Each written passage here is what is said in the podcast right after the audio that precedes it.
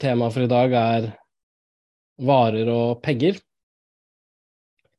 Tittelen er 'Hvilken verdi er, har arbeidsverditeorien?' Så hvis man ser på antikapitalistiske slagord og kritikker som er populære i dag, så handler det mye om at det er pengene som hersker over verden, og det framheves som særlig problematisk at flere aktiviteter og samfunnsområder varegjøres, kommodifiseres, fordi de måles, kjøpes og selges med penger. Men man forklarer aldri hva penger er, og hvordan de får disse magiske egenskapene. I stedet hender det ofte at resonnementet går i sirkel. Penger er noe man bruker til å kjøpe en vare, og en vare er noe man kjøper for penger. Så hvis eh, antikapitalismen skal bli mer substansiell enn en det resonnementet, så trengs det en forklaring av varer og av penger som ikke går i sirkel. Men man står, så, og man står i det hele tatt overfor en vanskelig utfordring når det kapitalistiske samfunnet skal teoretiseres, nemlig hvordan man går fram for å framstille et økonomisk system som består av elementer, relasjoner, som, for, som alle forutsetter hverandre og finner sted samtidig, uten at man forutsetter konklusjonen i premisset. Vil si uten at man argumenterer på en sirkulær og dermed feilaktig måte. Så hvis vi sier at en, en vare er en ting med en pris, så har problemet oppstått. Vi har allerede forutsatt penger, som vi ennå ikke har forklart, og dermed har vi forutsatt det vi skulle forklare. Og det framstillingsproblemet her, som er særlig tydelig når man framstiller en sånn samfunnsmessig størrelse som kapitalen er, det framstillingsproblemet løser Marx med, den, med en metode han kaller oppadstigningen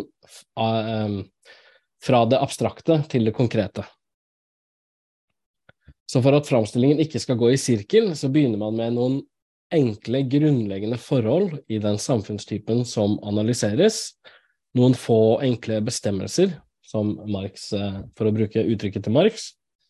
Og ved å analysere de, så innfører man gradvis eh, og skritt for skritt nye bestemmelser, og framstillingen blir gradvis mindre abstrakt og mer konkret. Først betrakter man varen uavhengig av penger, og også uavhengig av kapital. Vi forutsetter ikke at varen sirkulerer mot penger, Heller ikke at varesirkulasjonen innebærer kapital, penger som vokser til mer penger. Vi har trukket alt dette fra, og analyserer heller varen på et veldig sånn eh, enkelt og fenomentalt nivå. På det nivået som ja, Marx kaller enkel varesirkulasjon. Så derfor, Det er derfor eh, viktig å ikke tro at Marx eh, i eh, Kapitalens første kapittel, som har varen som tittel, sier alt, si, eh, sier alt, som er å si om varen i det hele tatt, og at eh, liksom, det oppsummerer hele vareanalysen som han har å by på. Eh, tvert imot så er det bare den abstrakte begynnelsen, og begynnelsen må nettopp være abstrakt for å unngå eh, en sirkulær framstilling.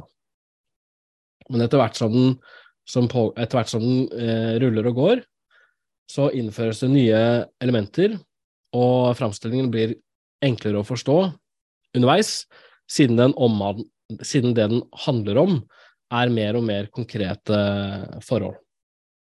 Den beveger seg kontinuerlig fra det abstrakte til det konkrete. Og det er den retningen en framstilling egentlig må gå, da, for å være vitenskapelig, vil i hvert fall Marx mene.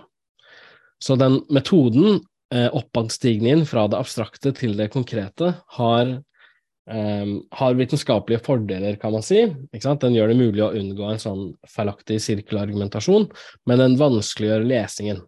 Fordi at utgangspunktet for hele teorien blir jo da nettopp uh, veldig abstrakt. Um, ja, forhold som er lite til, uh, gjenkjennelige.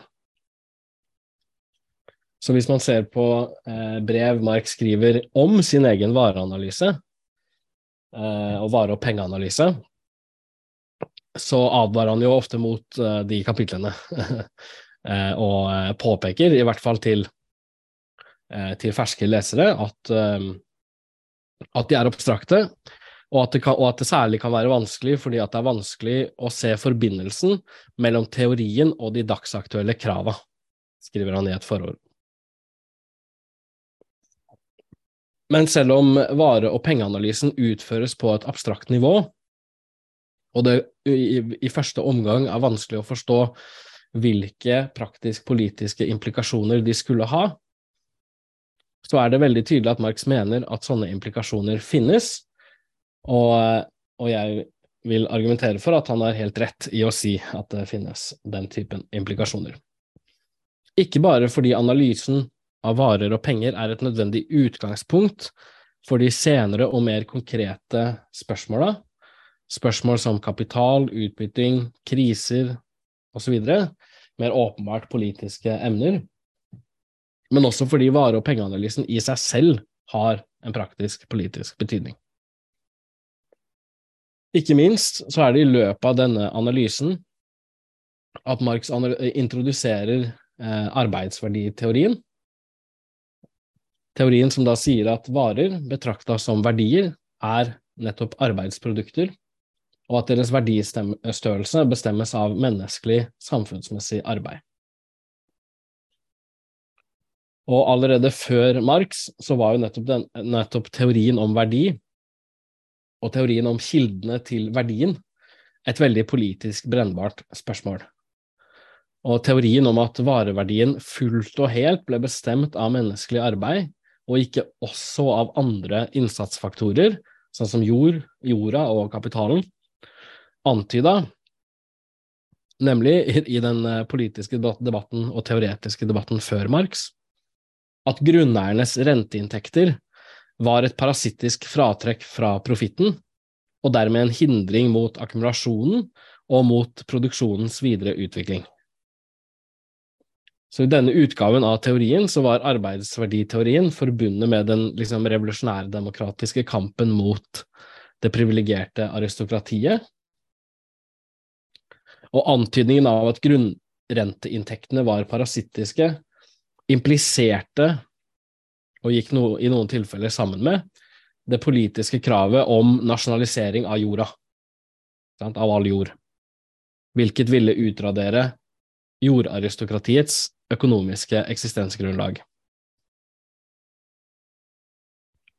Og eh, det er jo relevant for vår egen tid. Eh, hos oss så heter det jo nå, i hvert fall, at eh, man må få lov til å innkassere grunnrenter selv når det er staten eller allmuen som eier jorda. Og det illustrerer jo i og for seg på en god måte et argument Marx har, nemlig at den, den frie vitenskapelige forskning møter større utfordringer i økonomisk teori enn andre steder, fordi det provoserer fram de mest eh, heslige lidenskaper i menneskets bryst, nemlig pri, eh, privatinteressenes furier. Men hvis vi uansett ser bort fra den liksom særegne økonomiske teorien som norske oppdrettskapitalister har klart å improvisere seg fram til, så var det en, eh, en nokså allment utbredt antakelse at nasjonalisering av jord ville innebære at renteinntektene ble innkassert av staten, og at statsmaktens oppgave dermed ble å tilrettelegge jorda for eh, produktiv kapitalistisk bruk. Så det var en fullt ut borgerlig reform, da. Som, eh, som arbeidsverditeorien ga teoretisk ammunisjon, kan man si. Og alternativet til arbeidsverditeorien, kostnadsteorien, kan man kanskje si, sa at varens verdi ble bestemt av de tre innsatsfaktorene arbeid, kapital og jord, representert ved deres respektive eiere, arbeiderne, kapitalistene og grunneierne. Og den antyda heller at grunneiendommen bidro til produktet på samme måte som arbeiderne og kapitalen gjorde, og at den derfor eh, fortjente sine inntekter og på ingen måte burde bli ekspropriert bort. Så klassekamp i det hele tatt har gitt gjenklang i teorier om eh, verdi. Og eh, det er da grunnen til at de mest progressive tenkerne i den perioden her før, eh, eh, var eh, arbeidsverditeoretikere. Og de antok jo selvfølgelig da teoretikere som David Ricardo, særlig da. De antok selvfølgelig at um, de, var, de, var, borgerlige, og antok selvfølgelig at arbeiderne i praksis måtte bli representert av kapitalistene, siden deres livsvilkår var uløselig bundet til kapitalens vekstvilkår, som igjen var forankra i en antakelse om at kapitalistisk produksjon var den evige naturformen til all samfunnsmessig produksjon. Utviklingen av mer og mer moderne eh, kapitalistiske klasseforhold gjorde gradvis, smått om senn, slutt på denne eh, harmonien. Det vokste fram selvstendige arbeiderpartier, streikebevegelser og dessuten også sosialistiske økonomiske teorier som brukte arbeidsverditeorien som ammunisjon mot kapitalistene, noenlunde på samme måte som borgerskapet hadde brukt, brukt den mot uh, grunneiendommen. Så man fikk bøker som Thomas Hodskins 'Labour Defended Against the Claims of Capital' or The Unproductiveness of Capital fra 1825, som var signert by a laborer, og John F. Brace 'Labour's Wrongs and Labour's Remedy' fra 1839, som to viktige eksempler. Eh, og det var nettopp eksempler på at sosialistene nå begynte å bruke arbeidsverditeorien for å bevise kapitalistenes parasittisme. Ikke bare at grunneierne var overflødige, men at samme, det samme gjaldt eh, kapitaleierne selv. Arbeidet skapte hele verdien, og hele verdien måtte derfor disponeres av arbeiderne. Hodgkin støtta seg på David Ricardos arbeidsverditeori, som impliserte Eh, selv om Ricardo selv ikke helt trakk den implikasjonen, men som impliserte at de produserte produksjonsmidlene, altså det som var kapitalen, i og for seg ikke produserte verdi. Kapitalen inneholder verdi som overføres til varene i løpet av produksjonen, men verdien den inneholder, stammer fra, igjen fra arbeid, fra arbeidet som har skapt disse produksjonsmidlene, og eh, utgjør ikke noe produktivt nytt bidrag fra kapitalistene. Så kapitalen er i og for seg uproduktiv, var poenget til Hodgkin. Thomas Bray konstaterte også, en, også at eh, kapitalisten var uproduktiv. Han spør hva gir kapitalistene og grunneierne i bytte mot arbeidernes arbeid? Gir de arbeid? Åpenbart ikke. Sant? De arbeider jo ikke. Det eneste de gjør, er å gi arbeideren for sitt arbeid i løpet av en uke en andel av rikdommen de fikk av den samme arbeideren uka før. Og Bray sa at det var en latterlig komedie, et åpenbart bedrageri, et lovlig tyveri. Så for disse tidlige sosialistene så var eh, Hotskin og Bray så var løsningen på problemet at den kunstige verdimålestokken, som var penger fiksert i gull, måtte oppheves, sånn at verdien til varene kunne komme til uttrykk i deres naturlige og liksom egentlige form, i det som egentlig var verdi, nemlig som arbeid, det de kalte den naturlige pengeformen. Så ved å gjøre slutt på sant, den kunstige pengeformen og opprette naturlige penger, arbeid, arbeidspenger, så var det mulig å endelig få slutt på eh, bedrageriet. Det lovlige bedrageriet som fant, sted. Da. Likt ville bli byttet mot likt, like mengder arbeid mot like mengder arbeid. Og det, det svindel og tyveri som profitten, renta og grunnrenta representerte, ville endelig forsvinne. Så det sosialistiske opplegget her til disse, disse to innebar kort sagt at privateiendom, vareproduksjon, varesirkulasjon skulle fortsette å eksistere, og hovedsaken var denne endringen av pengene fra unaturlige pengesedler fiksert i gull til eh, den naturlige pengeform, menneskelig arbeidstid. Men en annen retning, en annen retning i sosialismen som oppsto rundt samme tid, ble blant annet representert av Robert Owen, og den avviste heller privat eiendom, som den regna som citat, årsaken til uendelige mengder kriminalitet og lidelse. Og Owen mente at produksjonen måtte finne sted på grunnlag av samfunnsmessig kooperativ eiendom av produksjonsbetingelsene. I Robert Owens eh, kooperativ eh, økonomi så finner produksjonen sted gjennom et planmessig samarbeid mellom samfunnets produsenter, som ikke lenger er spaltet til konkurrenter av privateiendommen.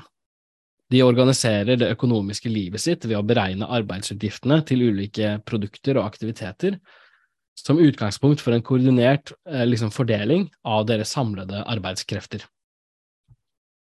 Det, resultatet av denne produksjonen blir da selvfølgelig deres delte eiendom, sett bort fra personlige forbruksmidler som går inn i deres individuelle forbruk proporsjonalt med deres arbeidsinnsats.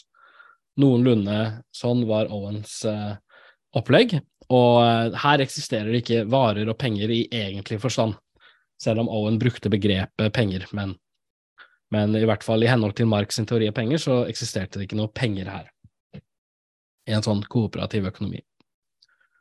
Og eh, så eh, Man kan altså da skille eh, sosialistene som her begynte å oppstå i to brede leire, og Marx og Engels, Karl Marx og Friedrich Engels, tilhører den andre gruppen. Tilhører står i tradisjonen fra Robert Owen i en eh, viktig forstand.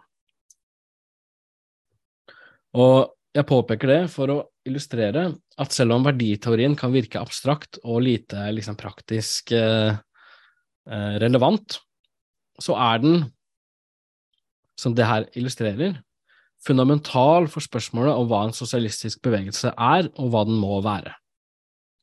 Grunnlaget for svaret på spørsmålet om hva i samfunnet en sosialistisk omkalfatring skal kvitte seg med, hva den skal bevare og opprette, og hvorvidt endringen kan finne sted som en stille metamorfose eller gjennom et mer voldsomt brudd, blir gitt, i hvert fall delvis, på det her fundamentale teoretiske nivået, i teorien om varen, verdien og pengene. Um, og og, om man havner i den ene eller den andre av disse to leirene, vil faktisk avhenge av eh, hvilken stilling man tar til det, den teorien.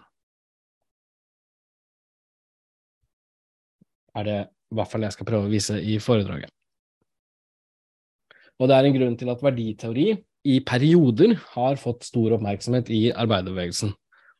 Og det er nok også grunnen til at verditeorien, oppmerksomheten rundt verditeorien, forsvinner etter hvert som arbeiderbevegelsen legger fra seg arbeiderklassestandpunktet og eh, ambisjonen om en sosialistisk samfunnsomveltning i det hele tatt. Så med det som forhåpentligvis uh, inspirerende ord, uh, skal vi kaste oss inn i, i verditeorien, da, som jo kan være litt abstrakt. Så Marx legger til grunn, og det er vel en rimelig antakelse, at mennesket er et samfunnsmessig dyr. Og i kraft av det så må, må det produsere samfunnsmessig, i, et, i hvert fall i et visst omfang. Det vil si at produserende mennesker må produsere for andre mennesker, og ikke bare for seg selv. Et samfunn av selvforsynte Robinson Crusoer som bare skaper produkter de skal eh, forbruke selv, er ikke et samfunn i det hele tatt, og har aldri eksistert heller. Så i et eller annet omfang så produseres det alltid produkter som ikke forbrukes, forbrukes av produsenten selv, men av andre, Altså det, det Marx kaller samfunnsmessig rikdom, som produseres gjennom samfunnsmessig arbeid. Og i det så ligger det egentlig også hvorfor nettopp menneskelig, samfunnsmessig arbeid ligger til grunn for varens verdi. For uansett hva slags samfunn og hva slags samfunnsmessig arbeid det er snakk om, så innebærer dets eksistens i det hele tatt at arbeidskreftene til flere mennesker har blitt samla sammen til en samfunnsmessig størrelse. De er ikke bare individuelle krefter, men en sum av arbeidskrefter, og denne summen inneholder en begrensa totalsum av arbeidstimer. Så også mange potensielle arbeidstimer som kan disponeres til ulike produktive formål. Samfunnets samla arbeidsressurser fordeles på ulike arbeidstyper, ulike typer arbeid som skiller seg hverandre fordi de resulterer i ulike produkter, og ti av de ulike da, produktene da krever, representerer fra samfunnets ståsted disse produktenes produksjonskostnad. Så der kan man si det gjelder alle samfunn. Det gjelder alle former for samfunnsmessig arbeid, inkludert vareproduserende arbeid. Uansett så er det tilfellet at samfunnets produksjonskostnader for et produkt eller en tjeneste er en viss mengde av samfunnets totale arbeidsressurser, av dets totale arbeidstid. Enhver økonomi løser seg opp i en tidsøkonomi, var måten Marx oppsummerte det poenget. Så skal vi se, prøve å illustrere det. Har jeg noe, prøver jeg meg med noe powerpoint?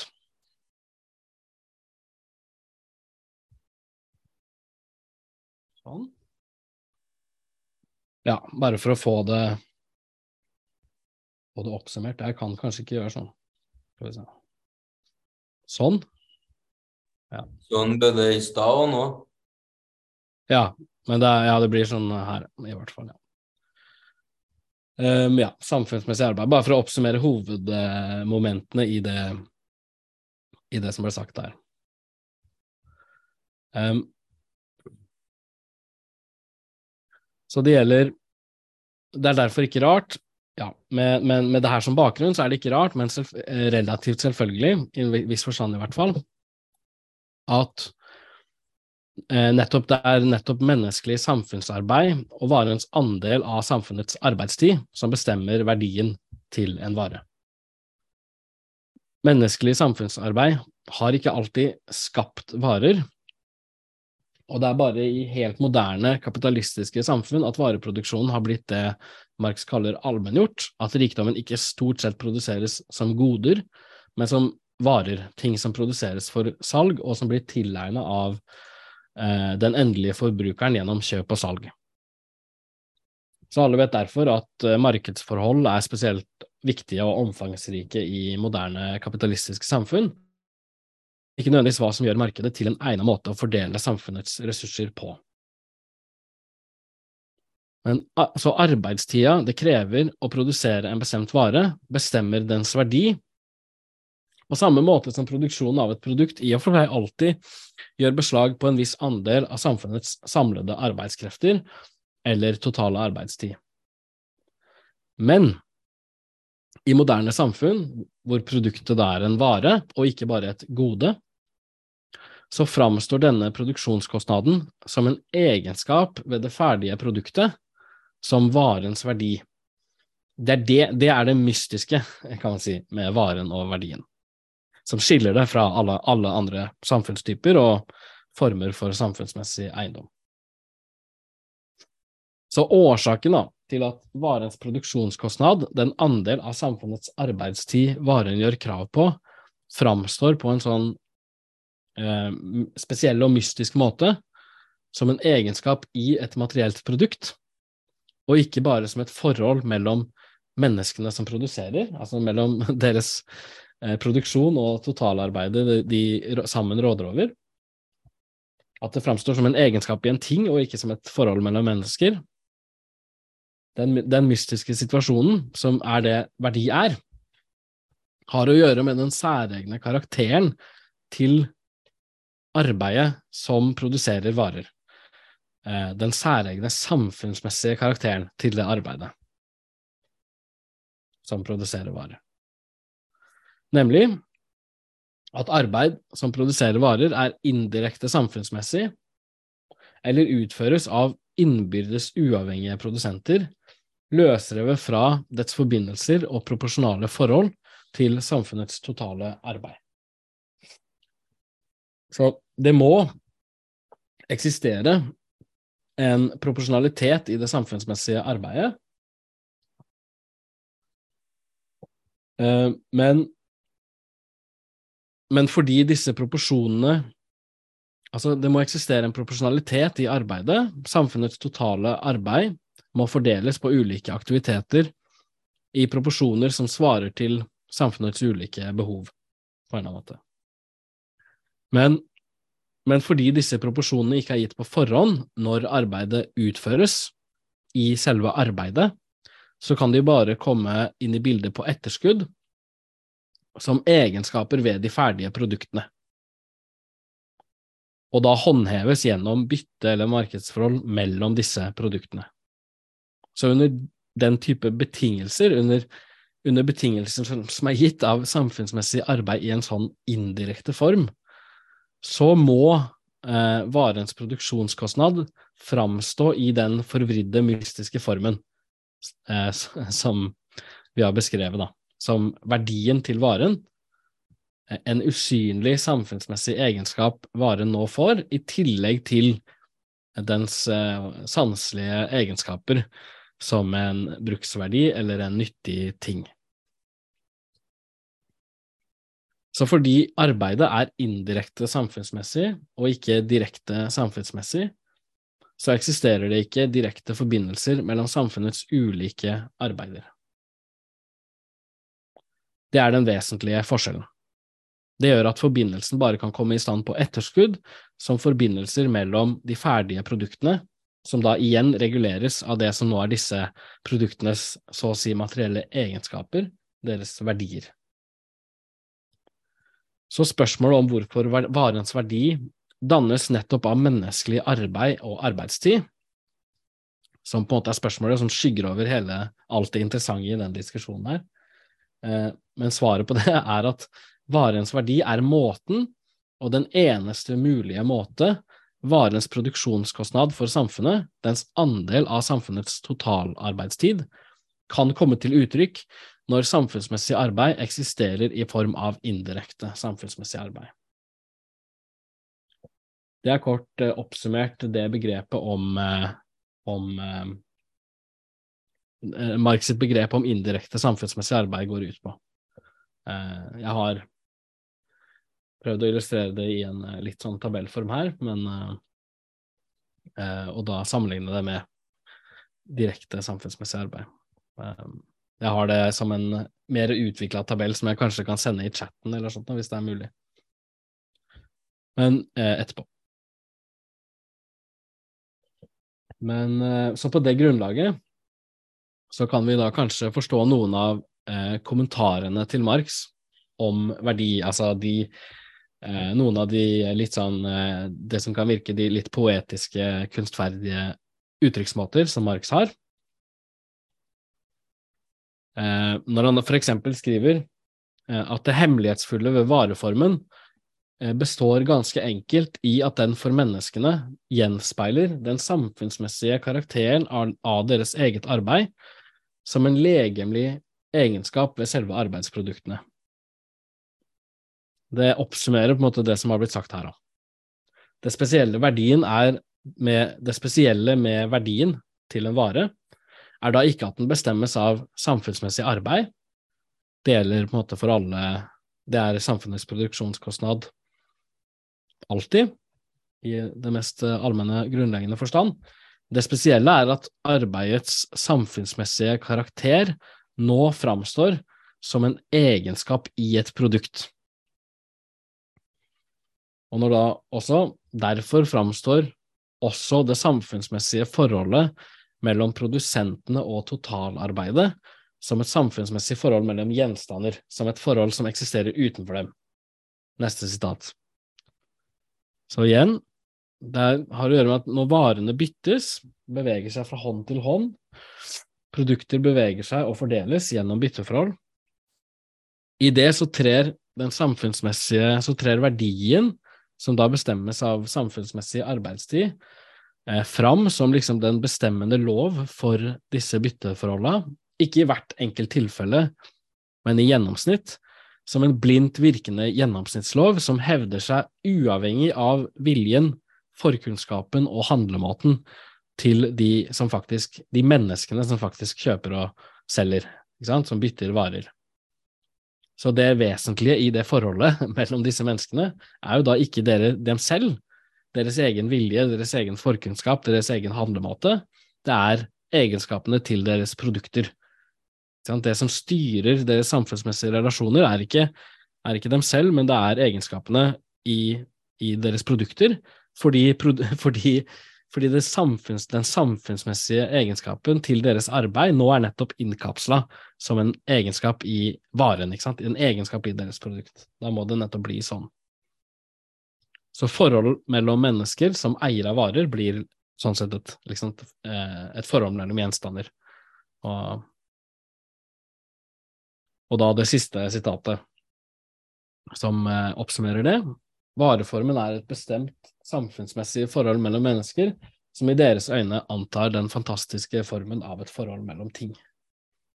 Så det er mange, de sitatene, altså mange, mye, får mye oppmerksomhet eh, i diskusjonen om Marx, men, men, ofte så blir de tolka for eh, poetisk og, og eh, finurlig, eh, og, og, og, man tar ikke eh, ordentlig inn over seg at det som faktisk her beskrives, er hvordan det faktisk er. Altså, det, er det er en forsøk på, på å beskrive den samfunnsmessige altså virk, den samfunnsmessige virkningen av, av, den arbeidstypen som er beskrevet, og, det, og av liksom selve varens verdi. da.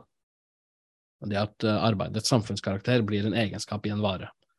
det er, det er, er bokstavelig ment, egentlig. Altså, det er ikke det er ikke blomstrete måter å, å si at liksom det moderne samfunnet er for opptatt av ting eller noe sånt noe, ikke sant. Det er, det er en, en måte handler om å beskrive hvordan de samfunnsmessige forholdene, forholdene her fungerer. Kort oppsummert så er det det som er eh, arbeidsverditeorien til Marx. Og Marx var ikke den første som hadde en arbeidsverditeori, som jeg var inne på. Men det som særlig kjennetegner og utmerker Marx, er at han, er, eh, han har en forbilledlig, tydelig forklaring av hvorfor Ja, jeg kan vel stoppe den der nå. Av hvorfor um, Av hvorfor samfunnsmessige arbeidsprodukter på et punkt i historien tar form av varer. Altså hvorfor mennesker plutselig begynner å produsere med sitt samfunnsmessige arbeid, ikke bare goder som skal tilfredsstille et behov, men varer som i tillegg til nyttige egenskaper har eh, sanselige og nyttige egenskaper, har oversanselige samfunnsegenskaper, nemlig egenskapen av å være verdier. Og eh, Marx eh, ut, forklarer det nettopp da gjennom gjennom den spesielle karakteren til det samfunnsmessige arbeidet som produserer varer, gjennom dette arbeidets indirekte samfunnsmessige karakter. Og det, den forklaringen av verdien gjennom, gjennom den spesielle formen til det samfunnsmessige arbeidet som produserer varer, er på en måte hele kjerna som skiller Marx fra de klassiske økonomene fra økonomer som Adam Smith og David Ricardo, som noenlunde forsto at verdiens størrelse ble bestemt av samfunnsmessig arbeid. I hvert fall i deres beste øyeblikk så forsto de det. De klarte aldri å forstå det fullt ut, men, men de oppfatta ikke at det var, det var på grunn av at, at de ble skapt av samfunnsmessig arbeid i en bestemt form. Og årsaken til det, ifølge Marx, var den borgerlige karakteren til deres teorier i det hele tatt. Det at de, som gjorde da at de oppfatta arbeidet i dets borgerlige, vareproduserende form som det samfunnsmessige arbeidets evige naturform. Altså, de klarte ikke å skille mellom ulike former for samfunnsmessig arbeid, for i deres øyne så fantes det bare én. Ikke sant? Så, eh, som de prosjiserte tilbake i, i forhistorien og så for seg at omtrent huleboeren er en prototypisk eh, kapitalist eh, som akkumulerer kapital når han banker to steiner eh, sammen, ikke sant. Og dermed så forstår de heller ikke det mystiske og det spesielle ved varen og ved verdien, som jo er ganske viktig. Og de forstår ikke hvorfor varens verdi må komme til uttrykk som bytteverdi eller pris. Og de sosialistene, eh, Hodgkin og Bray, som er ganske innsiktsfulle på mange måter, men de var eh, for ukritiske i sin tilegnelse av teorien til de borgerlige økonomene, og arva mange av manglene til disse økonomene noe som blir illustrert av deres eh, teori om arbeidspenger, som jeg skal prøve å vise i det som kommer nå. Så vi har sagt at varer som byttes, i kraft av å være like verdier, er produkter av menneskelig arbeid og representerer like store mengder menneskelig samfunnsarbeid. Men det er kanskje verdt å gjenta at det på ikke noen måte innebærer eller antyder at vareeiere tenker over det når de bytter sine varer. Det er ikke poenget i det hele tatt. Det en vareeier tenker på, er ikke arbeidstida, men hvor mange eksemplarer av den andre varen hun kan få i bytte mot sin egen vare. Og det er verdt å nevne, for det er et poeng som ofte blir misforstått.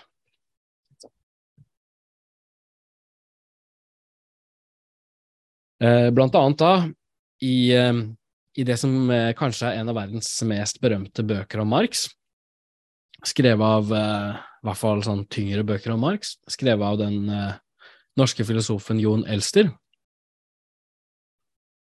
og da, så, fram, så framstilles arbeidsverditeorien på følgende måte.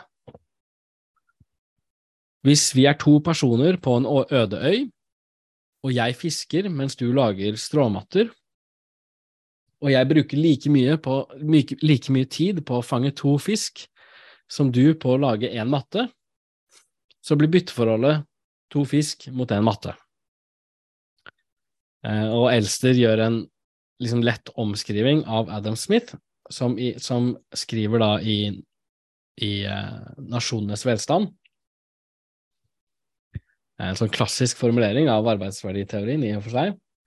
Så Smith eh, skriver hvis det for eksempel i en stamme av jegere krevde dobbelt så mye arbeid å drepe en bever som å drepe en hjort, så ville beveren naturligvis bli byttet mot to hjortedyr. Eller den ville være verdt to hjortedyr. Det er naturlig at det vanlige produktet av to dagers eller to timers arbeid er dobbelt så mye verdt som det vanlige produktet av én dags eller én times arbeid. Og det, den formuleringen kan jo virke relativt rimelig, intuitiv ved første blikk. Um, Jon Elster begynner jo å kritisere det. Han framstiller det som liksom kjerna i arbeidsverditeorien, og så setter i gang med å problematisere den teorien på det grunnlaget. Og det er jo relativt enkelt. Så han eh, begynner med å introdusere spørsmål om kvalifikasjoner. Er arbeidstid fortsatt et rettferdig mål for bytteforholdet hvis det ene arbeidet krever lengre utdanning og opplæring enn det andre? Og eh, enda mer kan man, kan man skape problemer ved å introdusere arbeidsintensitet. Vi har arbeida like lenge, men har vi arbeida like hardt?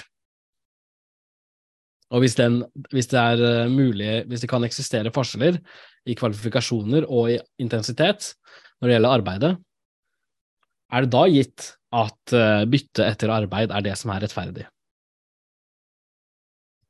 Spør Elster, da. Og, og en ting er at det er viktig å gjøre klart at, at uh, denne tolkningen utgjør en uh, hva skal man si, katastrofal misforståelse av argumentet til Marx. Altså, det treffer no noenlunde argumentet til Adam Smith, men, men, det er en katastrofal som en mistolkning av Marx. Og det er uh, Og det av flere grunner, da. I hvert fall tre. Den første grunnen er at teorien i en sånn utgave, som man kanskje ser, er, er uhistorisk og ikke historisk. Sant? Den antar at mennesker alltid bytter varer når de produserer for hverandre, altså at vareproduksjon er, er det samfunnsmessige arbeidets evige naturform. Den klassiske borgerlige antagelsen. Som er helt uvitende om eh, hvordan tidlige samfunn faktisk fungerte. Og for så vidt det eldre samfunnet. Så fra det perspektivet, som var typisk for uh, den klassiske borgerlige økonomien, så er utviklingen av samfunnsmessig arbeid mye det samme som uh, utbredelsen av vareproduksjon og varebytte. Og det har for så vidt en kime av sannhet i seg, i den forstand at vareproduksjon alltid er produksjon for andre, samfunnsmessig produksjon. Så vareproduksjonens utbredelse har derfor gått sammen med en økning av andelen av samfunnsmessig produksjon, sammenligna med, med det man kan kalle karrig selvforsyning, subsistensproduksjon. Og det finnes jo nettopp derfor en slags sosialistisk eh, impuls som har eksistert eh, ganske lenge, og som fremdeles eksisterer, som tror at eh, kapitalismen eh, skal bekjempes ved at man står imot samfunnsmessig produksjon, og ved å forfekte eh, selvforsynende produksjon. Men i hvert fall, Marx påpeker da at i motsetning til Adam Smith og andre, at jegerne ikke bytta sine produkter som varer, og derfor heller ikke i henhold til arbeid de inneholdt. Arbeidsverditeorien er en historisk lov og ikke en evig lov, og den er fullt og helt i sin fulle, dybde, eh, i sin fulle bredde og dybde eh, bare gyldig for det moderne kapitalistiske samfunnet og for det arbeidet som dominerer der.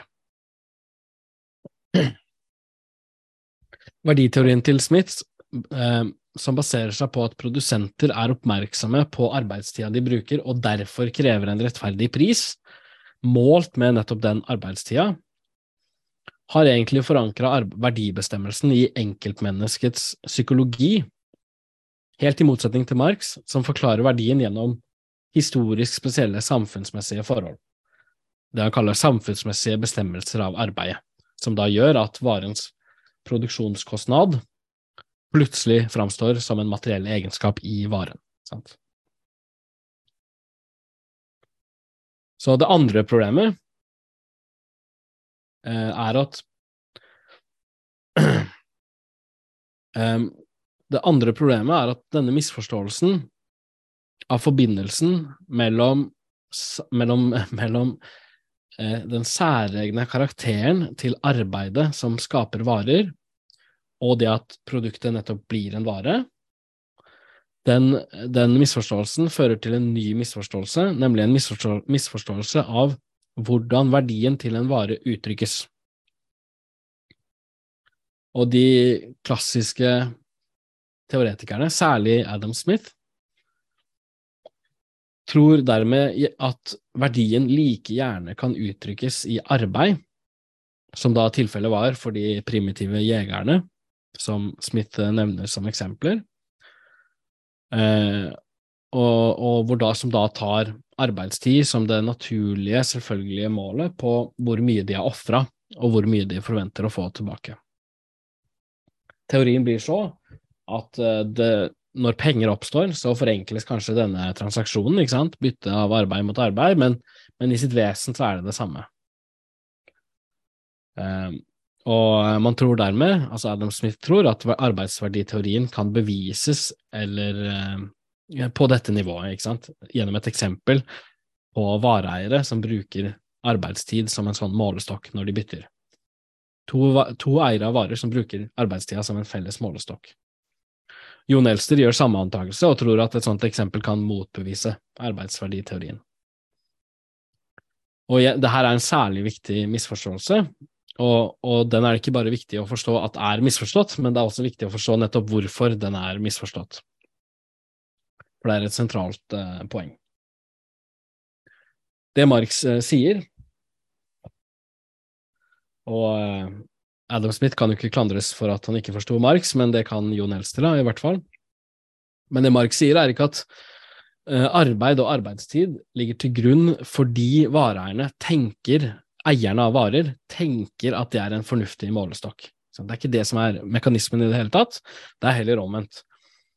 Når eiere av varer bytter med hverandre, så har de gjennom denne handlingen, uansett hva de ellers tenker eller gjør, redusert sine produkter til det de har felles, som er menneskelig arbeid. De vet ikke at det er det de gjør, men likevel så er det det de gjør. De vet det ikke, men, men de gjør det. Og verdistørrelsen til deres varer endrer seg kontinuerlig, fordi den samfunnsmessige nødvendige arbeidstida som kreves for å produsere deres, og deres varer og varene de prøver å bytte mot, endrer seg kontinuerlig. Så i bytte, bytteforholdet, eh, bytte, bytteforholdet endres. Helt uavhengig av viljen og forkunnskapen og handlemåten til personene som byttes, bytter. Den nødvendige arbeidstida, eh, samfunnsmessig nødvendige arbeidstida, som er viktig i den forbindelse her, tvinger seg gjennom som en regulerende naturlov i de tilfeldige og skiftende bytteforholda, skriver Marx. Så at arbeidstida bestemmer verdistørrelsen, er derfor ikke byttets åpenbare forutsetning, som vareeierne er seg bevisst, det er en hemmelighet som er skjult under de synlige bevegelsene.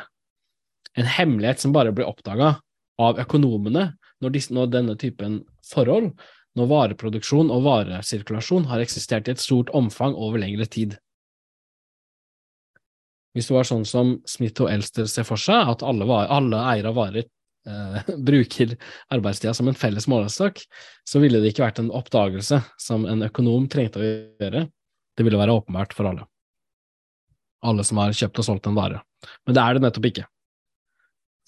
Og det viser at de tar feil i måten de framstiller det på. Og det Marx eh, særlig, eh, og det Marx eh, også viser, som kanskje er enda viktigere enn det forrige poenget, er at det nettopp ikke er mulig at en vares verdi uttrykkes direkte som så og så mye menneskelig arbeid. At det Smith, Adam Smith og Elster ser for seg, at det er i strid med, med det som er mulig. For verdien må uttrykkes relativt i andre varer, og til syvende og sist i penger som pris. For nettopp de samfunnsmessige forholda som gjør at varens produksjonskostnad ikke framstår som det det er, en viss andel av samfunnets totale arbeid, men i en indirekte merkverdig form, som en egenskap i, i produktet, som produktets verdi, varens verdi. De samme forholdene som, gjør, som oppretter den situasjonen, som gjør at, gjør at, arbeidets samfunnsmessige egenskap blir en egenskap i en ting, de samme forholdene gjør, jo, gjør også at varens verdi igjen må uttrykkes indirekte i andre ting, og ikke direkte i menneskelig arbeid.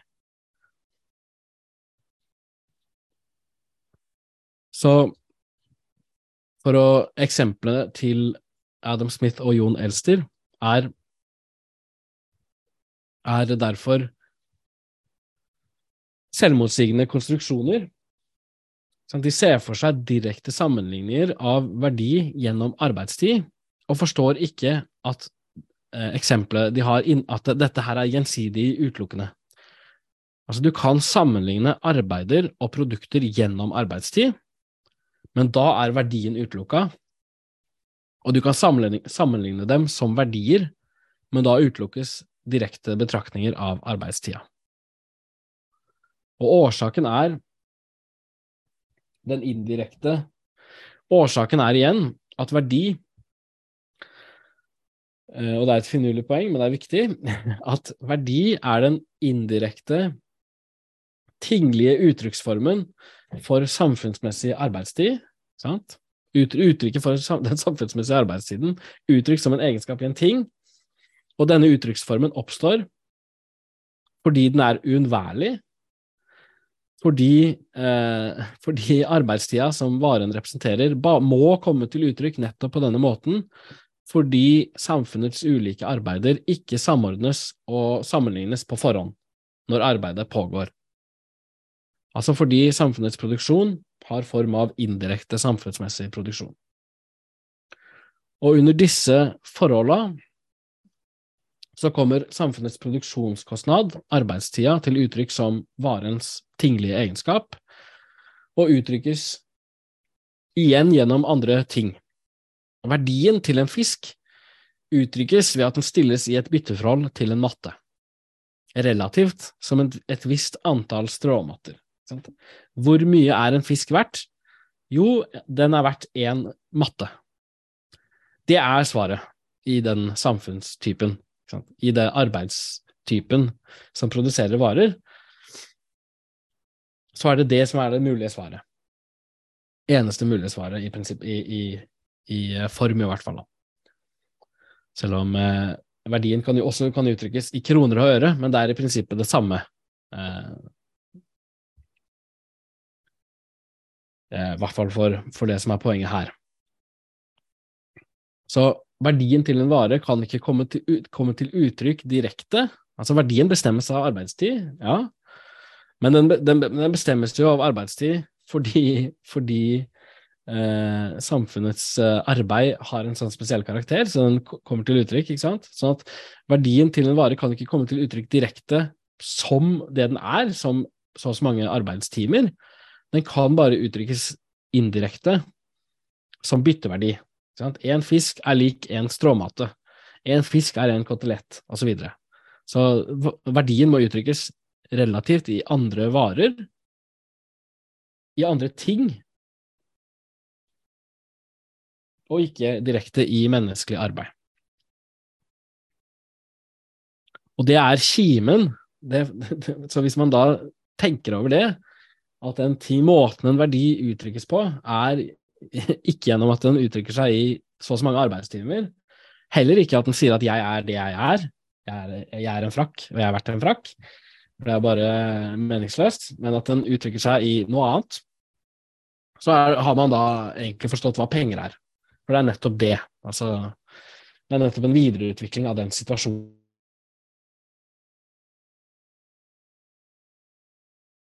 Varens verdi måles i penger, er derfor ikke en eh, er derfor ikke en forenkling av byttet, fordi det liksom ellers er praktisk vanskelig å holde styr på hvor mye arbeid varene inneholder.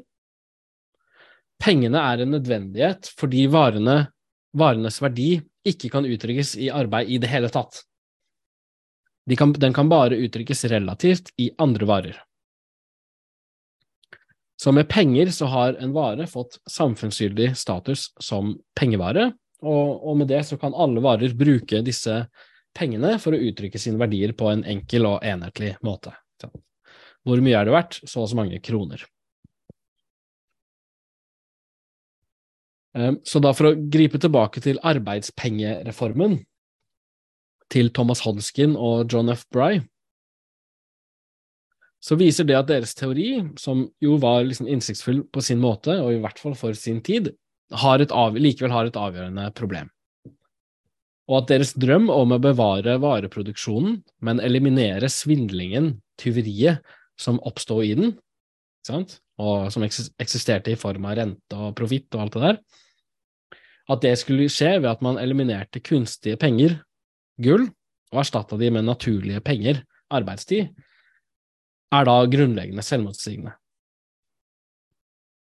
Så deres teori, selv om den er eh, sosialistisk, eh, har likevel den samme grunnleggende mangelen som den klassiske borgerlige økonomiske teorien til Adam Smith og David Ricardo, nemlig at den ikke forstår hvorfor en vares verdi må uttrykkes som bytteverdi, og til syvende og, til syvende og sist da i, liksom, som pris, i gull, fordi de sosialistiske økonomene, ikke sant, eh, Brahe og Hodgkin, på samme måte som de, disse økonomene, har en manglende forståelse av hva som er spesielt og særegent ved det samfunnsmessige arbeidet som produserer varer. Dette arbeidets indirekte karakter. Så Marx eh, regna derfor sin teori om eh, varer og penger som en teoretisk utradering av hele den arbeidspengeutopien. Og på, når han skrev, så var det ikke Hodgkin og Bray som fremma det, men, men Josef Pierre Prodot og de franske prodonistene. Vare- og pengeanalysen kom ut for første gang i 1859 med utgivelsen til kritikken av den politiske økonomien, som var et lite hefte. Og i et brev til eh, kommunisten Josef Weidemeyer skriver Marx at målet, å, målet, med heftet var å vinne en vitenskapelig seier for vårt parti. Og han framhever da kapitlene om varer og penger. Eh, eh, at, at, det de gjør, er at de smadrer selve grunnvollene til den prodonske sosialismen, og bemerker videre at kommunismen må framfor alt kvitte seg med denne falske bror. Og på samme måte i et brev til Engels, hvor han bemerker at liksom det, han, han, sier til engelsk hva han skal skrive i en bokanmeldelse. og, fremover, det, det, du, må, du, må, få med deg det her at jeg utraderer prodonismen i sine røtter. Eh, noe engelsk dessverre ikke fikk med seg. Eh, så heftet, kritikken av den politiske økonomi fra 1859, var liksom første, første publikasjon i det som ble Kapitalen, men den var i en vesentlig forstand en, et teoretisk angrep på en strømning i sosialistbevegelsen. En av to strømninger som ble nevnt innledningsvis, og som så for seg å beholde privateiendommen, vareproduksjonen og varesirkulasjonen, for så å helbrede samfunnet gjennom en stille metamorfose ved å erstatte gull med arbeidstid. Så men Marx viste hvorfor det var en urealiserbar fantasi. Eh, og det er nå det ene. Men det andre, eh, det han også da viste, og, eh, og som ikke bare var Som jo innebar å, støtte opp under den sosialismevarianten som Robert Owen forfekta, var at han også viste at en kooperativ økonomi hvor arbeidsproduktet ikke er en vare fordi, eh, arbeidet, fordi det samfunnsmessige arbeidet eksisterer i en direkte og ikke indirekte form. Samfunnskarakteren til arbeidet er gitt når det utføres, og ikke i ettertid gjennom produktet som produktets verdiegenskap. At i en, en økonomi av den typen eh, at den, Det Marx viste, viste, var at en økonomi av en sånn type ville være nødt til å beregne arbeidstida direkte. Altså, så dersom det var umulig å gjøre det gjennom arbeidspenger, som prodonistene så for seg, så ville det likevel bli nødvendig i en eh, kooperativ økonomi av en sånn Owen-type. Nettopp fordi, nettopp fordi det, det, den samfunnsmessige karakteren ikke skulle komme, igjennom, eh, komme til syne gjennom eh, verdien til produktet, og så gjennom penger osv., men fordi den skulle ligge der allerede når arbeidet ble, utført, så måtte det så måtte arbeidstida beregnes direkte. Så det er et dobbelt argument. Eh, på den ene sida mot eh, den prodonske sosialismen, på den andre sida for, grovt sett, Robert Owens eh, sosialismevariant, i hvert fall for en sosialismevariant som ikke ser for seg at det er mulig å opprettholde vareproduksjon og, og penger eh, for å helbrede dem gjennom en sånn sirkulasjonsreform, men at eh, grunnlaget må være eh, felles samfunnsmessig eiendom. Og dermed eh, Så argumentet mot Bray, Hodgkin osv. var ikke i og, seg, i og, for seg, at arbeidstid er umulig å sammenligne og bruke som målestokk, men at disse sosialistene med sin idé om arbeidsplass penger, blanda sammen ting som ikke lot seg forene. Og som engelsk sier, så var det det de forfekta, var som å ville skape et samfunn hvor produkten endelig skal beherske sitt produkt ved å konsekvent hevde en kategori som er det mest omfattende uttrykk for produsentens underkastelse under sitt produkt. Så, grunnleggende selvmotsigende. Så med det så eh, sier jeg takk for meg. Åpne for spørsmål. Eller eh, vi skal kanskje ha en pause. Ja, jeg tror vi tar uh, fem minutter uh, pause først, gjør vi ikke det? Og så skal du stoppe den der delinga di, eller jeg kan kanskje stoppe den der. Ja. Ja, det glemt. Ja, vi tar pause til, til, fem over åtte. Og de som kom inn seinere, så er det da mulig, som dere vet det, at møtet blir tatt opp. Og det er mulig å tegne seg med å rekke opp hånda eller å skrive det i chatten. Og um, Oskar blir ofte enda mer forståelig når han får uh, spørsmål, gjerne enkle, så det er ikke noe grunn til å være redde for det. Dere bidrar bra hvis dere stiller spørsmål, men da er vi tilbake igjen fem over åtte. Ja, da begynner vi igjen. Foreløpig så ser det ikke ut som det er noen som har tegna seg, men det har kommet et uh, på e-post tidligere i dag, så jeg bare leser opp det, og så kan du se om det er noe som passer inn, og så har jeg noe veldig enkle greier sjæl òg. Ok, men hva mener Mark spesifikt med arbeid? Er det kun vareproduksjon i privateide bedrifter, inkludert transport, lager og utsalg? Hva med statlige og kommunale selskap eller non-profit, selvfinansiert produksjon som opererer i et kommersielt marked, tjenesteyting, underholdning, kultur, forvaltning, administrasjon, spørsmålstegn? Altså det er én. Og det andre er hva slags lønnsarbeid er det som gir merverdi? Er det arbeidets art, formål eller organ organisering som er bestemmende? Eller kvaliteten, produktive oppgaver versus bullshit-jobber? Eller er det hvorvidt arbeidskjøperen er kapitalist som avgjør?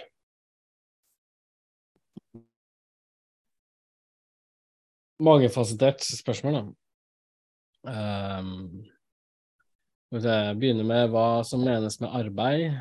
Um, Arbeid er jo eh, her først og fremst eh, i første omgang altså formålsretta bearbeiding av den ytre natur ved hjelp av indre natur, vår indre natur, kan du si. Menneskets eh, reproduksjon gjennom natur, gjennom naturen. Det er jo utgangspunktet. Så, sånn sett så er det jo materiell eh, produksjon da, i første omgang. Og, eh, men Um, så det er ja, hva som menes med, samfunn, med arbeid og samfunnsmessig arbeid. Uh, spørsmålet om hva som produserer merverdi, er jo et annet igjen enn det. Uh, men i hvert fall uh, så um, Så hvis Ja, så det, det, er en lang, en lang diskusjon i og for seg, men, men, i hvert fall kan man si at hvis hvis eh, kapitalistens arbeid ikke produserer eh, verdi, hvis eh, kjøp og salg av varer ikke produserer verdi, men det er produksjonen av varer som produserer verdi, så er jo det et skille. Altså, da innebærer jo det at, at salgsarbeidet, sirk sirkulasjonsarbeid, på en måte ikke, ikke er merverdiproduktivt, mens, mens industri det industrielle produks produksjonen er, er det. Eh, for eksempel, et sånt skille. Um, selv om begge Selv om arbeidet i en, uh, i en butikk vil være er lønnsarbeid, og på samme måte som arbeidet i en fabrikk er det. Sant?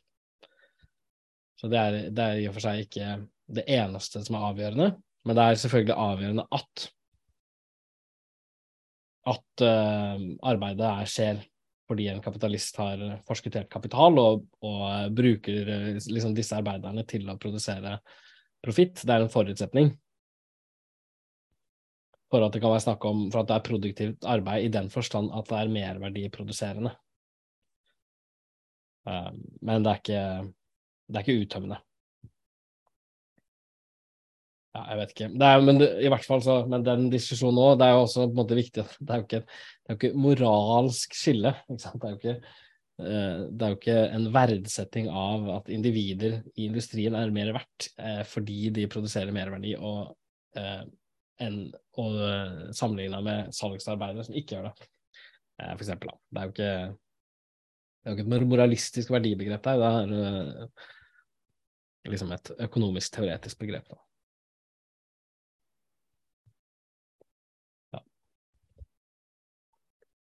Ja, jeg lurer konkret på det du sa i stad med den der 20 eh, timer og frakken, ja. Hvorfor man ikke kunne si det med 20 timer og frakken. Og hvis jeg ikke misforsto det, så var det Det var både argument mot Elster og, og Adam Smith, hvis jeg oppfatta det riktig. Men eh, Så det er da i den forstand at fordi at arbeidstimer er forskjellig, altså enten med hvor intensive de er, eller hvor mye kvalifikasjoner som kreves på forhånd, eller ditt eller datt, så kan man ikke, så kan man ikke si at én arbeidstime er én arbeidstime. Er det det som er grunn, så det blir selvrefererende? Nei. Nei, nei, nei. Nei, nei altså jeg mener man kan absolutt sammenligne, sammenligne i arbeidstid. Så de argumentene var i og for seg bare et argument Eller i, i, i den forstand at de argumentene er rimelige. Eh, så er det bare i den forstand at det, det, gjør det mindre plausibelt å tenke seg en sånn jegerøkonomi hvor man liksom Å, det virker naturlig for oss. Så den, den, tanken der om at vi bruker arbeidstid som en sånn rettferdig, åpenbar målestokk, eh, blir svekka av den type eksempler. Eh, men jeg mente ikke med det å si at, eh, at, dermed, at man dermed ikke kan sammenligne altså, i, i, og for seg i arbeidet. Altså det, selv om det finnes forskjellige kvalifikasjoner og eh, intensitetsnivåer, så kan det likevel eksistere, være meningsfullt å snakke om et liksom, samfunnsmessig gjennomsnittsarbeid. Og det er jo nettopp det vi forutsetter, egentlig, da, for i, sånn at så det, det, betyr ikke at ulike arbeider i og for seg ikke kan sammenlignes, så det var ikke argumentet. Eh, argumentet var at, at hele forutsetningen for at varer produseres, hele forutsetningen for at en vare har verdi, er at arbeidet ikke sammenlignes. Det er utgangspunktet, det er den samfunnsmessige situasjonen som gjør at arbeidsproduktet produseres som vare, og som en ting som dermed får verdi. Det er, det er, det er grunnen til at det oppstår vareproduksjon. Og derfor, på grunn av det samfunnsmessige arbeidet som skaper varer, så eh, På grunn av at det samfunnsmessige arbeidet er av en form som ikke, eh, hvor, hvor ikke Som ikke liksom organiserer den samfunnsmessige enheten i arbeidet, som må organiseres på en eller annen måte. Den skjer ikke liksom når selve arbeidet utføres, den skjer etter at det er gjort gjennom produktene. Så at på grunn av det så kan man ikke plutselig begynne å måle verdien gjennom arbeidet. For hele poenget med verdien er jo at det ikke skjer, at det ikke måles direkte. Så derfor må liksom verdien uttrykkes i andre ting, eh, fordi den i seg selv er et, tinglig, et tinglig uttrykk for, eh, for eh, samfunnsmessig arbeid, fordi det er organisert indirekte.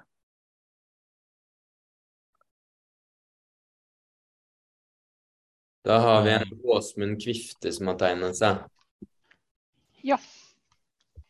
Et poeng som jeg ofte syns uh, er viktig, det er dette med at varen også må ha en eller annen uh, bruksverdi. Så det må ha en naturverdi i seg òg.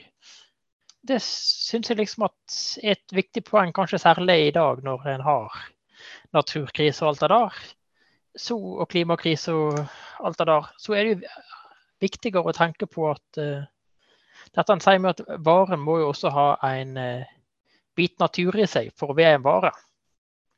Så mm. Det vil jeg bare nevne så vidt. Så jeg har kanskje ikke noe godt spørsmål, men det, det er iallfall viktig. Absolutt, det er et godt uh, viktig poeng. Um, ja, jeg kommer inn på det i siste kapittel. Litt sånn i den type perspektiv. Uh, men ja. Eh, det er jo det at uh, viktig, En misforståelse som oppstår, er jo nettopp for at det, det arbeidet skaper all verdi. All verdi er et produkt av menneskelig arbeid. Men rikdommen er jo ikke det. Altså Rikdommen er jo bare be omforma natur. Uh, naturen, ikke sant? Det oppstår ingen rikdom som ikke er natur. Uh, og mennesket kan bare gi det nye former. Og det er klart det inneholder et potensielt Det inneholder jo et naturperspektiv som er greit å ha med seg. Ja, apropos det forrige, så la jeg la ut i, Hvis man ser i chatten, så har jeg lagt en sånn svær tabell som prøver å illustrere liksom det distinksjonen mellom eh, indirekte arbeid og direkte samfunnsmessig arbeid, for å få fram hva som er poenget der, da. Eh, og særlig kanskje nå rett etter, rett etter foredraget, hvis man ser på den tabellen, så kanskje det klikker litt, da. Last ned i chatten. Men ja. Um, Sondre? Ja. hallo. Um, altså, forrige gang kan vel Altså, forrige, uh, forrige foredrag kan vel kanskje oppsummeres med uh, Gudmund Hernes som sa at uh, studenten skal lære to ting. En modell, og at modellen ikke beskriver virkeligheten. Eh, så jeg er eh, altså det, Jeg lurer på hvor I hvilken grad uh, verditeorien da er bare en ideal, idealisert modell på hvordan en vares verdi avgjøres slash uh, prissettes. da i en da At det er, det er, snakk om en ideell modell av et borgerlig samfunn. Det nevnes at det gjelder ved industriproduksjon og fri konkurranse. Og da har man jo problemet med at en situasjon med fri konkurranse er jo faktisk ikke oppnåelig da, i virkeligheten. Også at man, man ser vel også bort fra reguleringer fra myndigheter. Altså alt som kan gripe inn i denne her, eh, tenkte frikonkurransen. Og også vekk fra begrensninger i ressurser. Da. Altså med en gang du får ressursknapphet som kan virke inn på eh, prissettingen? Eller tenker jeg eh, helt Eller er det noe jeg har misforstått? Da? Ja, um, så jeg, altså jeg eh, På at jeg jeg fikk den stikkende følelsen etter at jeg hadde holdt forrige gang, at, jeg at jeg ga det inntrykket. Uh, at jeg kunne mene det som Hernes sa, at uh, man skal vite at det er en modell, og at den ikke stemmer med virkeligheten. Det var, det var ikke, ikke, poenget mitt, faktisk. Uh, jeg mener at den stemmer overens med virkeligheten. At poenget med idealiseringer som et sånt begrep var at du nettopp kan beskrive altså virkelighet, virkelighetens struktur. Eh, selv om redskapet er en karikatur. Altså du bruker idealiseringer, men du gjør det ikke så det er noe annet enn det Max Weber f.eks. Eh, snakker om. Eh, det leser Knavak snakker om. Eh, det her er en realistisk vitenskapsteori. Vi snakker om hvordan man kommer i kontakt med, med, med virkelighetens faktiske struktur. Eh, men så er det noen komplikasjoner som oppstår, som er forholdet mellom eh, Altså, en ting er at du beskriver hvordan et kapitalistisk samfunn fungerer, men men hva er forholdet mellom den typen kapitalisme som her analyseres, og det som eksisterer? Så der oppstår det noen problemer. Men, men, men, men jeg vil si, sånn, ta de konkrete Du nevner jo mange fine, altså gode konkrete eksempler. Staten, monopol, eh, forutsetter fri konkurranse. Og det eh, vil jeg si, det er nettopp ikke en teori av den typen som sier ok, vi antar at et samfunn har full fri konkurranse, og da vil denne teorien stemme, men hvis samfunnet ikke har full fri konkurranse, hvis staten blander seg inn, så vil det ikke stemme. Det er egentlig det er ikke det som sies, tvert imot. Så er poenget som utvikles, at, at den konkurransen som er forutsetningen for at lovene gjelder, den er i seg selv en tendens Den er i seg selv eh, Den er også et, eh, er et produkt av det samfunn, samme samfunnsmessige eh, rammeverket. Da. Altså den er, den er eh, i, også lovmessig, sant? så du kan ikke bare heve, oppheve Så eh, du kan ikke bare Altså staten har også et begrensa handlingsrom mot det her, da, for å si det sånn. Det er ting som kan modifiseres i en viss grad, men, men i begrensa grad. Uh, og, um, og um, når det gjelder monopol, vi har jo en så så er det vanskelig å på en måte utvikle det poenget fullt og helt, men, men vi har en sånn svær artikkel på en som liksom adresserer sånn spørsmål om monopol fra et sånt, sånt her type perspektiv, Eh, skrevet av Ansgar Knolle Grotusen.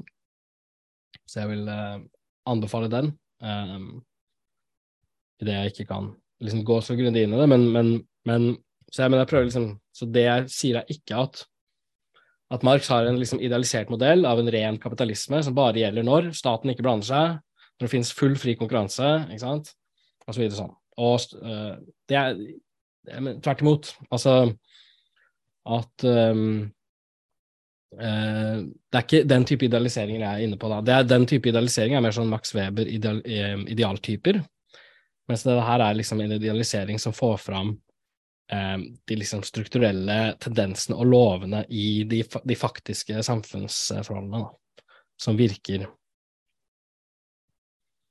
Som virker eh, altså Uansett om staten blander seg. Sant? og, eh, og til og med hvis det skulle oppstå monopoler. Og, og eh, monopoler er jo også et eget emne for teorien i og for seg, da. I form av eh, grunnrente og sånn. Men, eh, men, det var min egen eh, forklaring forrige gang som eh, åpna for det der, kanskje. Men, eh, men ja, det var ikke det jeg mente. Ok, takk. Skal vi se Mikael Brenna. Ja. Um, jeg skjønte ikke helt det du sa med, med at disse uh, Altså Owen og den retningen da, til Marx, der ble arbeid målt direkte, i motsetning til den andre gjengen som drev med arbeidspenger. Kunne du prøve å utdype eller presisere det litt? Altså Arbeidspengene, pengegjengen, ville jo også måle arbeid direkte. Arbeidspengene var, skulle nettopp det, det det innebar, var at en vares verdi skulle måles i det arbeidet det inneholdt, direkte. Sånn, som, sånn, at verdien var det det var, og at den ikke ble forfalska av penger. Um, og det Marx og Owen også det, det, de også ser for seg, er jo nettopp det at man regulerer, eh, regulerer eh, samfunnets arbeider i lys av, eh, av, av eh, hva skal man si, et arbeidstidsregnskap.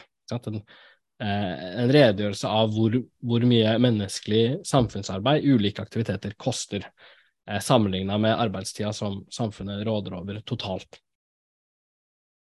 Så Sånn sett så er jo de to posisjonene like. De, de, begge tar til orde for for å bruke arbeidstid som et sånt uh, økonomisk uh, beregningsredskap, kan man si. Uh, og, så det er sånn, men, men det som, så det som er kjerna i diskusjonen, er at de Prodo, Hodgkin, Bray, de folka der, de forutsetter vareproduksjon. Og at arbeidspengene, at disse da varene som så produseres, skal måles på denne direkte måten.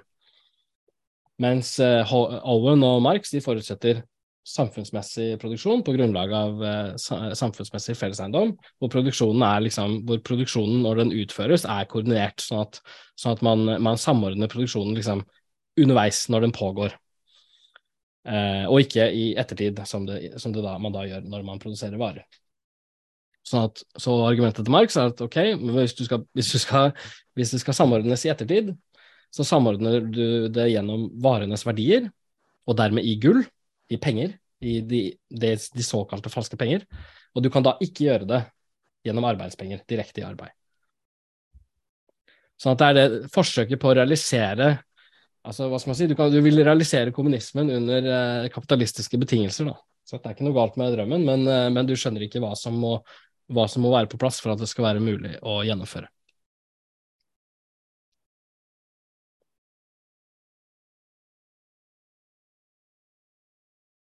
Det ser ikke ut som det er noen flere på lista, men siden jeg alltid liker Jo da, der kom det en til, vet du. Sondre igjen, vær så god. Ja, du får, får bære over med meg, da. Eh, men uh, hele Eller altså, det som spinner litt i huet på meg nå, er det å uh, At arbeid er Sikkert, sikkert ikke den første som har spurt, da. At arbeidet er kilden til verdi. Er dette her da eh, Altså hva det Altså man Det går jo an å automatisere visse produksjonsprosesser. Men det kan jo fortsatt være nyttig men det som produseres kan jo fortsatt være nyttig, og dermed altså, kunne byttes mot penger. Så er det Snakker vi her om et rammeverk som altså at Eh, det hele borgerlige samfunnet er et, samfunnet er et uh, rammeverk som bygger på maktforholdet mellom arbeidere og kapitalister, og at det egentlig opphører uh, i det vareproduksjonen er komplett uh, automatisert. Da. Da. ser jeg for meg heller en situasjon hvor kapitalistene finner ut at de ikke trenger arbeidere lenger. Altså, altså ikke luksuskommunisme, men var det et tydelig spørsmål, eller var det bare surr? Jeg syns det var tydelig hvis jeg bare klarer å holde styr på det, men uh, skal vi se, så ja Arbeid skaper verdi. Ja, så en ting er at det er, så det er jo det skillet mellom eh, verdi og bruksverdi, da, for det første. Altså at uh, en vare har en verdi, og den har ingenting å gjøre med dens bruksverdi. Nytteegenskapen, nytteegenskapene den har. Sånn at det at en ting Det at arbeid Det at uh, Så det at en, ting kan være produsert uten menneskelig arbeid og fremdeles være nyttig, er sånn sett ikke sant, sånn Det er jo to forskjellige ting. Så det er verdien som bestemmes av arbeid. Og um, Men så er det, ja um, Og det som For å illustrere det litt mer, da, så er det sånn hvis man sier ok, det som skjer i, moderne industriell produksjon, er jo ikke at arbeidet forsvinner jo ikke. Det er jo litt sånn liksom fiks fantasi som noen har, men det, liksom, det blir reduseres uh, Arbeidsandelen i hvert enkelt produkt reduseres etter hvert som produksjonen får en større skala, blir mer automatisert og, og teknologisk avansert, sånn at arbeidsandelen blir mindre. Uh, og det, det, man da skal forvente ut ifra en sånn arbeidsverditeoretisk forståelse, vil jo da være at, at varene blir billigere. Ikke sant? De, for at de inneholder mindre arbeid. Og det blir det jo også. Det er bare det som Og da må man selge, de, selge flere og i større skala for å realisere en større profittmengde, for, for, at varene blir billigere som en følge av at arbeidsinnholdet i dem faller. Og eh, så, Sånn sett så, så det er jo bare bra å, for en kapitalist å redusere arbeidsinnholdet, redusere verdien til en vare, for at man kan selge flere og billigere og realisere en større profitt. Um, og hvis man uh, skulle være så heldig at man, til, at man, hadde en bedrift som var fullstendig helautomatisert, da Jeg tror vi er langt unna der, men, men ok, la, la, oss si, så ville man jo da fremdeles eksistere i rammen av en, av en kapitalistisk økonomi. Og der er det ikke bare verdien som råder. Um, og det er um, um, Ja, da begynner man å jobbe med den kompliserte kategorien produksjonspris, som er det varene egentlig selges for. Så det er jo sånn med idealiseringer at um, Marx antar jo faktisk ikke at varer, når de kjøpes og selges i det daglige liv, i virkeligheten, så kjøpes de og selges ikke for verdier, men de selges, kjøpes og selges for produksjonspriser. Og de produksjonsprisen blir bestemt av verdien, men på en indirekte, komplisert måte. Sånn at verdien er liksom, den ligger der, men, men den, den eksisterer ikke sånn at hvert enkelt produkt ikke sant, er ikke et produkt av er, Dens verdi kan ikke være arbeidstida din inneholder, i en sånn enkel forstand, faktisk. Eh, sånn, fordi det har å gjøre bl.a. med nettopp det du påpeker, at noen bransjer så er det mye arbeidstidsbruk per eh, enhet, og i andre bransjer er det, er det, lite. Noen er mer avansert, teknologisk avanserte enn de andre. Eh, og det gjør nettopp at de mer teknologisk avanserte eh, får en andel av verdien som produseres i andre bransjer, så de får liksom en profitt som en verdi, verdier som stammer fra mer, mindre teknisk avanserte bransjer. Så hvis man ser for seg da, en sånn hyperteknologisk avansert bedrift, så vil jo den fremdeles være ekstremt profitabel. Den vil få enormt med verdi, selv om den ikke produserer noen verdi i prinsippet. da. Eh, fordi den får det, får det gjennom, eh, eh, gjennom bytteprosessen, gjennom i markedet, de, fordelingen de tar del i samfunnets liksom, overordna fordeling og får en fet andel av merverdien der. Kort sagt. Ok.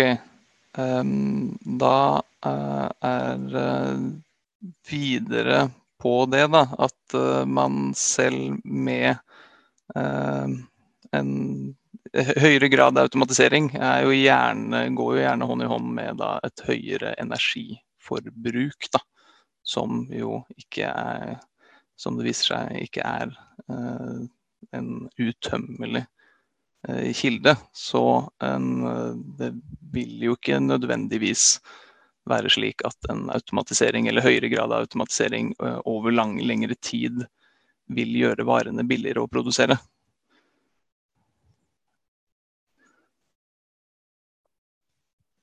Um, ja, nei, der Jeg klarer ikke å følge deg der. Um, en ting er jo at um, Altså hvis du ser på summen av varer, ikke sant? Altså, du energiforbruket av å produsere en million liksom, et eller annet industriprodukt, sammenligna med, med, med, energiforbruket for å, produsere et eksemplar av det samme produktet når det ble produsert liksom, på landsbygda som hjemmeindustri, um, så er jeg vel ikke helt overbevist om at energiforbruket har økt. Um, Tvert imot så har Nei, jo men har, omfanget har jo økt betraktelig. Det, det er jo det. Ja. Altså, du må produsere mer enn i fjor, da. Eller så uh, ryker lånet ditt, ikke sant. Da du må, Ja, ja, ja. ja. De forskutterte pengene du har investert for ikke sant? Du må, Hvert år så må du produsere mer og mer. da. Eh, hvor kommer det eh, vekstkravet da, inn i den i hvert fall moderne produksjonen inn i det her? Så hvorfor det er et vekstkrav? Nei, det jo, sier seg jo sjøl, fordi du, har, du må jo øh, du, du gidder jo ikke, med mindre det forrenter seg. Eh, Det er jo hele, det er, det er jo hele logikken. Men da øh, Du møter jo etter hvert på øh, naturlige skranker da, med, denne, med den veksten. da, Altså etter hvert.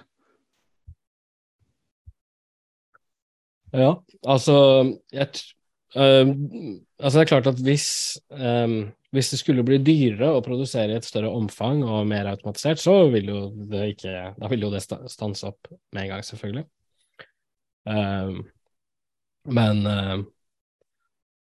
men, øh, men, men det er jo ikke automatiseringen i seg selv gjør jo ikke produksjonen dyrere. Ikke? Den økonomiserer jo med produksjonsmidler og med energiforbruk og alt. Sånn at den gjør jo i og for seg energiforbruket mindre og kostnadene mindre. Sånn at hvis det er én gigantisk, liksom, kjempeavansert produsent som produserer det som før ble produsert av 10 000 forskjellige gnukkebukker, så vil jo energiforbruket ha blitt mindre. Så selv om den eh, produsenten produse- u, eh, har enormt mye større kostnader enn det alle andre hadde før, så vil jo, så gitt at de produserer Den bare har tatt over markedsposisjonen til alle de andre som, som før var, så vil jo eh, forbruket i og for seg At det vil jo kostnadene Det vil jo fremdeles ha lønt seg for den eh, produsenten. Det vil jo være kapitalistisk lønnsomt. Og altså Ja. Eh, så eh, Så ja. Jeg vet ikke om vi er uenige der, men, eh, men jeg eh, vil nok mene at det er mye å Man har en del å gå på der, ja. OK. Uh, ja, nei, jeg får si meg fornøyd med det, da. Du må vel det. Det er det du får. Vi runder av, har du lyst til å gi noen sånn oppsummering, eller? Siden du har veldig lange introduksjoner, så vi får ikke noe sånn 'dette skal jeg snakke om i dag', punkt 1, 2 og 3. Har du lyst til å si hva du har sagt for noe i dag? Liksom hva som er ett eller to hovedpoeng? Ja. Um, ok, så um, Jeg prøvde å forklare hvorfor hvorfor uh, varen Hvorfor uh, det oppstår varer, hvorfor varer har en verdi, og hvorfor den verdien eh, stammer fra menneskelig arbeid, og hvorfor den må ut, uttrykkes som bytteverdi, og ikke i arbeid. Eh, og, og forklaringen på alt det var, var den samfunnsmessige formen til arbeidet som produserer varer. Det å forstå at eh, liksom, moderne samfunnsarbeid, kapitalistisk samfunnsarbeid, skiller seg fra det samfunnsarbeidet som har eksistert tidligere, som kanskje vil eksistere i framtida, som ikke har vært indirekte, men direkte samfunnsmessig arbeid. Og nettopp den egenskapen som arbeidet i kapitalismen har, gjør at eh, produktet blir vare, at det får verdi, at den verdien uttrykkes som bytteverdi og til sjuende og sist i pris. Det må, det må man forstå for å forstå hvorfor arbeidspengegreiene ikke fungerer, og til, egentlig for å forstå hvorfor, hvorfor frelse bare finnes gjennom en kooperativ økonomi og med felleseiendom, og ikke i en vareøkonomi med fortsatt privat eiendom. Suverent. Så kort at det nesten kunne vært på TikTok. Da tror jeg vi takker for oss og ønsker velkommen igjen om eh, to uker.